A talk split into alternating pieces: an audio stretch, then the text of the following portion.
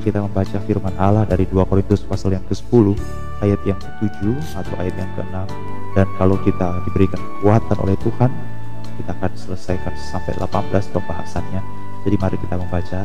Secara berganti saya akan membaca ayat yang ke-6 lalu saudara akan membaca ayat-ayat berikutnya. Sampai kita membaca ayat yang ke-18 2 Korintus pasal 10 ayat yang ke-6 sampai 18 demikianlah firman Tuhan. Dan kami siap sedia juga untuk menghukum setiap kedurhakaan bila ketaatan kamu telah menjadi sempurna. Tengoklah yang nyata di depan mata kamu. Kalau ada seorang benar-benar yakin bahwa ia adalah milik Kristus, hendaklah ia berpikir dalam hatinya bahwa kami juga adalah milik Kristus sama seperti dia. Bahkan jikalau aku agak berlebih-lebihan, bermegah atas kuasa yang dikaruniakan Tuhan kepada kami untuk membangun dan bukan untuk meruntuhkan kamu, maka dalam hal itu aku tidak akan mendapat malu. Tetapi aku tidak mau kelihatan seolah-olah aku menakut-nakuti kamu dengan surat-suratku. Sebab kata orang, surat-suratnya memang tegas dan keras, tetapi apabila berhadapan muka, sikapnya lemah dan perkataan-perkataannya tidak berarti. Tetapi hendaklah orang-orang yang berkata demikian menginsafi bahwa tindakan kami bila berhadapan muka sama seperti perkataan kami dalam surat-surat kami bila tidak berhadapan muka. Memang kami tidak berani menggolongkan diri kepada atau membandingkan diri dengan orang-orang tertentu yang memujikan diri sendiri. Mereka mengukur dirinya dengan ukuran mereka sendiri dan membandingkan dirinya dengan diri mereka sendiri. Alangkah bodohnya mereka. Sebaliknya, kami tidak mau bermegah melampaui batas, melainkan tetap di dalam batas-batas daerah kerja yang dipatok Allah bagi kami, yang meluas sampai kepada kamu semua. Sebab dalam memberitakan Injil Kristus, kami telah sampai kepada kamu, sehingga kami tidak melewati batas daerah kerja kami, seolah-olah kami belum sampai kepada kamu. Kami tidak bermegah atas pekerjaan yang dilakukan oleh orang lain di daerah kerja yang tidak dipatok untuk kami, tetapi kami berharap bahwa apabila imanmu makin bertumbuh, kami akan mendapat penghormatan lebih besar lagi di antara kamu jika dibandingkan dengan daerah kerja yang dipatok untuk kami. Ya, kami hidup supaya kami dapat memberitakan Injil di daerah-daerah yang lebih jauh daripada daerah kamu dan tidak bermegah atas hasil yang dicapai orang lain di daerah kerja yang dipatok untuk kamu. Tetapi barang siapa bermegah, hendaklah ia bermegah di dalam Tuhan. Sebab bukan orang yang memuji diri yang tahan uji, melainkan orang yang dipuji Tuhan. Ayat 18 Sebab bukan orang yang memuji diri yang tahan uji, melainkan orang yang dipuji Tuhan. Umat-umat yang Tuhan kasihi, Rasul Paulus mengalami begitu banyak kesulitan dan opponents-opponents, penentang-penentang yang menentang pekerjaan Tuhan yang dikerjakan di Korintus. Jadi jemaat Korintus ini adalah jemaat yang memiliki keunikan-keunikan dibandingkan dengan jemaat-jemaat yang lain. Kalau di sini kita temukan adalah mereka yang disebut sebagai berpengetahuan. Kalau di sini mereka disebut orang yang memiliki kematangan sehingga mereka merasa tidak perlu takut untuk makan persembahan berhala. Rohaninya tinggi ya. Mereka juga adalah kelompok yang mempraktikkan manifestasi-manifestasi pekerjaan Roh Kudus. Jadi isu bahasa roh, isu nubuatan, kesembuhan, itu adalah isu yang terdapat di jemaat Korintus, khususnya bahasa roh. Ditambah lagi perempuan-perempuan di sana sanggup untuk melayani sehingga acap kali mereka ini melampaui wibawa laki-laki. Jemaat Korintus ini begitu banyak keistimewaan. Kalau boleh kita sebut secara jasmani, mungkin keunggulan-keunggulan. Tetapi ironis sekali, justru di jemaat yang seperti inilah paling banyak kekacauan-kekacauan, paling banyak teguran-teguran. Untuk kesekian kalinya Paulus mengirim surat lagi kepada jemaat di Korintus. Dia menyatakan kalimat yang sangat tegas, yang sangat jelas bagaimana dia mengkoreksi dan bagaimana dia dengan tegas mengatakan tentang surat yang dikirimkan untuk mengkoreksi orang Korintus. 2 Korintus pasal 10 ayat yang ke-9, ayat yang ke-10. Aku tidak mau kelihatan seolah-olah menakut-nakuti kamu dengan suratku. Jadi Paulus ingin mengatakan, kerasnya suratku Tegasnya suratku bukan untuk menakut-nakuti kamu, tetapi sungguh untuk membawa kamu bertobat kembali kepada jalan Allah yang sesungguhnya. ayat yang ke-10, 2 Korintus pasal 10 ayat yang ke-10. Sebab kata orang, surat-suratnya memang tegas dan keras, tetapi bila berhadapan muka, sikapnya lemah dan perkataannya tidak berarti. Benarkah demikian? Alkitab berkata dalam ayat 11, Paulus menjawab, tidak. Kami punya sama, yaitu baik melalui surat, baik melalui berhadapan muka. Kata kami sama, maksud kami sama kalau saudara baca dalam pasal yang ke-10 ayat yang kedua, Paulus sempat berkata, Jangan kamu memaksa aku untuk menunjukkan keberanianku dari dekat, sebagaimana aku berniat bertindak keras terhadap orang-orang tertentu. Jadi saudara-saudara yang dikasih Tuhan, Paulus mengalami penentang-penentang. Jadi kita bisa belajar daripada firman Tuhan bahwa Rasul Paulus sendiri pun seorang rasul tetap mengalami penentang-penentang Ibrani 12 ayat yang ketiga, ingatlah Tuhan kita Yesus Kristus, dia adalah Allah, tetapi dia pun selama hidup di dunia ini menjumpai penentang-penentang, beban yang begitu berat yang ditanggungkan kepadanya, supaya jangan kamu menjadi putus asa. Pandanglah kepada Kristus Tuhan kita. Jadi setiap orang yang menjalankan apa yang difirmankan oleh Tuhan akan mengalami kesulitan-kesulitan. Tetapi saudara jangan putus asa, Kristus adalah kekuatan kita. Yesus berkata dalam Yohanes pasal yang ke-12 atau yang ke-13 barangkali pada waktu dia akan naik ke atas kayu salib itu adalah pembicaraan yang sangat penting terakhir sekali di hadapan orang-orang yang mau menjumpai Yesus.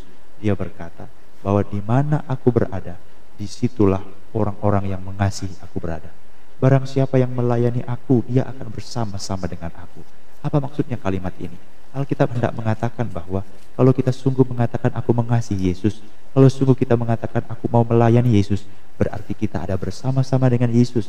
Kita mengikuti jejak Kristus. Kita berada dalam posisi Kristus. Rasul Petrus berkata, demikianlah Kristus telah mati untuk kita. Kristus berkorban di kayu salib menderita untuk kita supaya kita mengikuti jejaknya. Jadi saudara-saudara yang dikasih Tuhan jangan pernah bermimpi bahwa hidup ini akan lancar, bagus, termasuk setelah kita mengikut Tuhan. Justru waktu kita mengikut Tuhan, ada begitu banyak kesulitan yang kita alami. Semakin kita menjadi bagian yang dekat dengan Kristus, semakin kita dalam tanda petik seolah-olah diperlakukan dengan kasar, dengan kajam. Ye, ye, suatu surat yang dikirimkan oleh Paulus kepada Timotius, dia berkata dalam 2 Timotius pasal yang ketiga, memang orang yang mau beribadah kepada Tuhan akan mengalami aniaya. Saudara-saudara, Paulus mengalami penentang-penentang. Mari kita buka lebih jauh sedikit. Penentang-penentang ini menentang bagaimana? Mereka menyangka bahwa mereka milik Kristus, tetapi Paulus tidak. Ironis sekali ya. Mereka menyangka bahwa mereka milik Kristus, padahal Paulus tidak. Jadi Paulus adalah orang yang menulis surat ini, saudara-saudara. Orang yang menerima wahyu Allah. Yang menerima wahyu Allah dituduh, disangka dikatakan tidak milik Kristus, bukan milik Kristus. Bagaimana mungkin orang yang menerima wahyu Allah, orang yang menerima pewahyuan, orang yang ditetapkan menjadi rasul disebut sebagai bukan milik Kristus? Ironis sekali.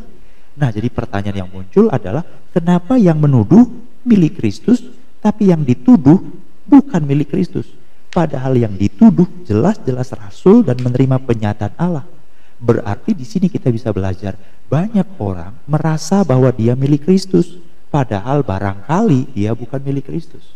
Kalau kita baca dalam 2 Korintus pasal 10 ayat yang ketujuh, tengoklah nyata di depan mata kamu. Ada seorang benar-benar yakin bahwa ia adalah milik Kristus. Hendaklah ia berpikir dalam hatinya bahwa kami juga adalah milik Kristus sama seperti dia. Aneh sekali kan? Kenapa orang yang merasa milik Kristus tidak melihat bahwa orang yang dipakai oleh Allah itu adalah milik Kristus? Seolah-olah cuma dia yang milik Kristus. Maka kita bisa tahu banyak orang merasa bahwa dia adalah milik Kristus. Sebenarnya satu, dia bukan milik Kristus. Jadi milik Kristus atau bukan milik Kristus itu bukan karena berdasarkan perasaan saudara-saudara. Tetapi banyak juga orang merasa seperti itu. Atau yang kedua yang perlu kita pelajari. Bahwa di hadapan Tuhan kita harus pahami tempat bagi Allah begitu luas sekali. Jadi tidak ada tempat yang sempit, tidak ada tempat yang sempit. Kalau saudara membaca berulang kali dalam Alkitab itu ada suatu umpama atau perumpamaan yang diberikan oleh Tuhan. Diberikan oleh Tuhan. tentang begitu besar tempat yang tersedia. Misalnya saja dalam Lukas pasal yang ke-14 itu adalah contoh di mana Tuhan Yesus mengundang, mengadakan perjamuan. Allah mengadakan perjamuan. Tuhan mengadakan perjamuan besar. Ia mengundang banyak orang. Marilah, segala sesuatu sudah siap. Jadi Alkitab mengatakan inilah undangan yang diberikan. Tetapi apa yang terjadi? Waduh, masih ada orang yang berdalih. Masih ada orang yang menolak. Lalu ayat yang ke-21, karena ada orang menolak itu, Tuhan itu mengatakan, pergilah ke lorong-lorong, ke segala jalan, bawalah kemari orang-orang miskin, orang-orang cacat, orang-orang buta. Lalu 14, Lukas 14, 22. Kemudian hamba itu melaporkan, Tuhan, apa yang Tuhan perintahkan sudah dilaksanakan. Tetapi sekalipun demikian, masih ada tempat. Luas sekali tempat itu, saudara-saudara. Padahal orang-orang di jalan sudah diundang loh. Mana lebih banyak orang-orang yang kita undang dalam daftar atau orang-orang yang tersebar di jalan? Tentu yang lebih banyak itu orang-orang jalanan. Lebih banyak yang di daftar undangan itu pasti orang yang terseleksi kan, terpilih kan. Tetapi walaupun yang di jalan-jalan sudah diundang, masih ada tempat. Begitu luasnya tempat itu. Lukas 14, 23. Lalu kata Tuhan itu kepada hambanya, pergilah ke semua jalan dan lintasan dan paksalah orang-orang yang ada di situ masuk karena rumahku harus penuh. Rumahku harus penuh. Sebab tidak ada seorang pun dari orang-orang yang telah diundang itu akan menikmati jamuan. Jadi saudara-saudara dikasih Tuhan, ini adalah fakta bahwa tempat yang diberikan Allah menjadikan orang-orang itu menjadi milik Kristus begitu luas. Bagaimana mungkin engkau berkata aku milik Kristus tapi orang tidak? Padahal Alkitab jelas mengatakan tempat Allah begitu luas. Jadi yang pertama saya katakan pada bagian ini ada banyak orang menyangka dia milik Kristus, tetapi orang lain yang nyata-nyata dipakai oleh Tuhan bukan milik Kristus. Itu berarti milik Kristus bukan masalah perasaan. Dia mungkin merasa dia milik Kristus, jangan-jangan dia bukan milik Kristus. Tetapi yang kedua yang kita pikirkan, berkenan menjadi milik Kristus, ada begitu banyak tempat. Sehingga setiap orang diundang menjadi milik Kristus. Walaupun demikian, memang ada orang yang tidak menjadi milik Kristus. Tetapi begitu banyaknya orang menjadi milik Kristus. Jadi saudara dikasih Tuhan milikilah hati yang luas. Hati yang luas supaya orang-orang diselamatkan. Hati yang luas bahwa ada begitu banyak tempat bagi mereka, bagi siapa saja dalam kerajaan Allah. Dan ada begitu banyak kerja yang bisa kita kerjakan untuk pekerjaan Tuhan. Jangan rebut-rebutan. Jangan saudara hanya berpikir satu sisi, satu dimensi. Ada banyak tempat, ada banyak kerja bagi Tuhan Yesus. Oleh sebab itu, marilah kita melihat. Jadilah sebagai orang-orang percaya yang hidup sesuai dengan jalan-jalan Tuhan. Inilah renungan kita pada pagi hari ini, umat-umat yang dikasih Tuhan. Belajarlah untuk menginsafi apa yang Allah percayakan kepada kita, apa yang Allah mau berikan. Itu sebabnya pekerjaan Allah begitu luas. Banyak orang-orang yang mati, yang mati tapi tidak pernah mendengar tentang Kristus. Ada begitu banyak tempat-tempat di mana orang begitu banyak hidup dengan pertengkaran. Apakah kita mau ikut-ikut sebagai orang yang bertengkar? Biarlah orang lain bermegah atas duniawinya, tetapi biarlah kita rendah hati dan berkata, Tuhan, aku tidak mau ikut-ikutan seperti orang-orang dunia. Aku tidak mau ikut-ikutan seperti orang tidak punya arah. Aku tidak mau ikut-ikutan seperti orang fasik yang berantem hanya gara-gara tanah, yang berantem hanya gara-gara rumah, yang berantem hanya gara-gara harta. Itu bukan kita. Tapi biarlah kita katakan, mau besar kecil, seberapapun yang aku pikirkan bukan tentang hal dunia. Yang aku pikirkan aku milik Kristus. Biarlah kita menjadi orang yang menuduhkan diri kepada diri sendiri, bukan menuduhkan tentang orang lain, bukan mengukur diri sendiri dengan dirinya sendiri, tetapi dengan apa yang Tuhan berikan. Hidup kita diberi anugerah kasih karunia, ampunan dosa, kita disadarkan kesalahan dapat mematikan kita. Pelanggaran bisa mematikan kita, terlebih dosa mematikan. Itu sebabnya, biarlah hidup kita bersih. Firman Allah berkata, biarlah kita sadar siapa diri kita. Biarlah kita mengerti bahwa kita adalah milik Allah. Biarlah kita tahu bahwa hidup kita harus kita jalankan dengan sungguh. Itulah tanda bahwa kita orang yang taat. Roma pasal 16 ayat yang ke-19. Roma pasal 16 ayat ke-19 dikatakan, kabar tentang ketaatanmu telah terdengar oleh semua orang. Sebab itu aku bersuka cita tentang kamu tetapi aku ingin, kata Rasul Paulus kepada jemaat di Roma, Tetapi aku ingin, yang pertama, kamu bijaksana terhadap apa yang baik. Walaupun kamu menghadapi dan melakukan yang baik, kamu hendaklah bijak bijaksana. Tidak semua yang baik yang harus engkau lakukan. Pilih engkau bijaksana terhadap apa yang baik. Yang kedua, bersih terhadap apa yang jahat. Supaya kecemaran ketaatanmu tidak tercemar. Supaya ketaatanmu, kesucianmu tetap terpelihara. Dan doa Paulus, semoga Allah sumber damai sejahtera segera akan menghancurkan iblis di bawah kaki. Dialah kasih karunia Tuhan menyertai